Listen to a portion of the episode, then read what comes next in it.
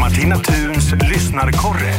Ja, vi ska bege oss till Skara för där finns han, Ulf Dahlberg. Hallå Ulf, hur känns det?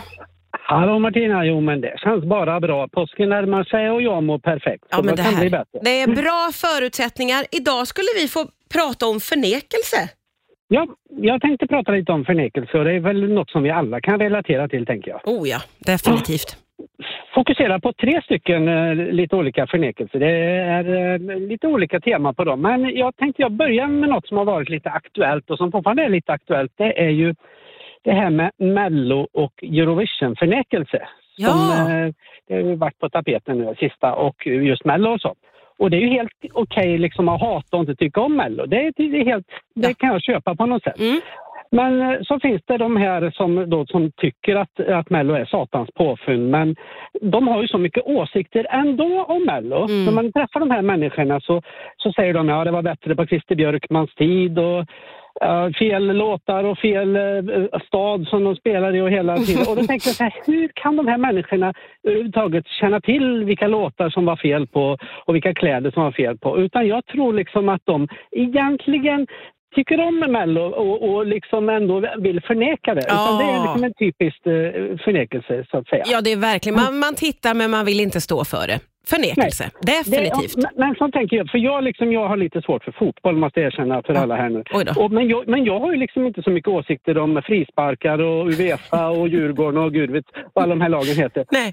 Jag menar, det, det, så jag, men okej, jag Du- köper det. Du håller dig ifrån. Ja, ja jag är helt med dig. Ja, se- sen kommer vi till de här väderförnekelserna kan jag säga. De är lite roliga förstår du. Okej. Man får ofta höra liksom människor att eh, det är väldigt tur att vi inte bor vid Medelhavet säger de. Jaha. För att det är för mycket sol och värme och det är jobbigt i längden. Vi har tur som har regn emellanåt. Mm. Tänker jag så här liksom, ha, hallå eller? Då kan ju dessa människor lägga sina semesterveckor i november så Ja. slipper de liksom och, och, och, och, och, och köta om det liksom. För äh, alltså vem gillar liksom inte sol och, och bad? Men Ja. hej, de tycker att det kan bli för mycket av det. Ja, det där är ju oerhört, Ja. särskilt nu Ja. när man det snöar så in i utanför mitt fönster. Blir provocerad vid blotta tanken. Ja, så väderförnekelserna de, de, de, finns också. De finns, de finns. Jajamensan. Och så har jag ett exempel, det är ju de här rikedomsförnekelserna tycker jag. De är också spännande. Okej. Ja, de här människorna säger att de aldrig skulle vinna massa pengar, det skulle bara bli problem, säger de. De hävdar att de inte är liksom materialister och de uppskattar det enkla i livet. Ja, Ja, ja. tänker jag så. Vem vill inte bli snuskigt rik och göra vad man vill?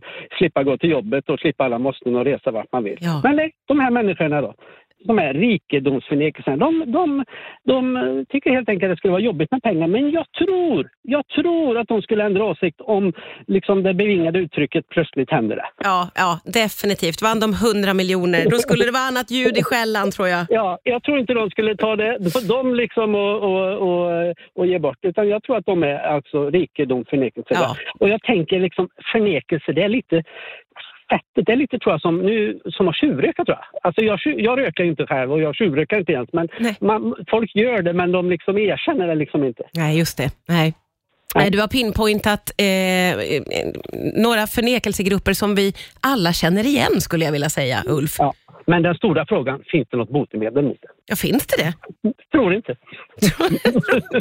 Vi får helt enkelt leva med alla dessa förnekare. Det är bara som det är. Ja. Ulf Dahlberg, tusen tack för idag. Vi hörs snart igen.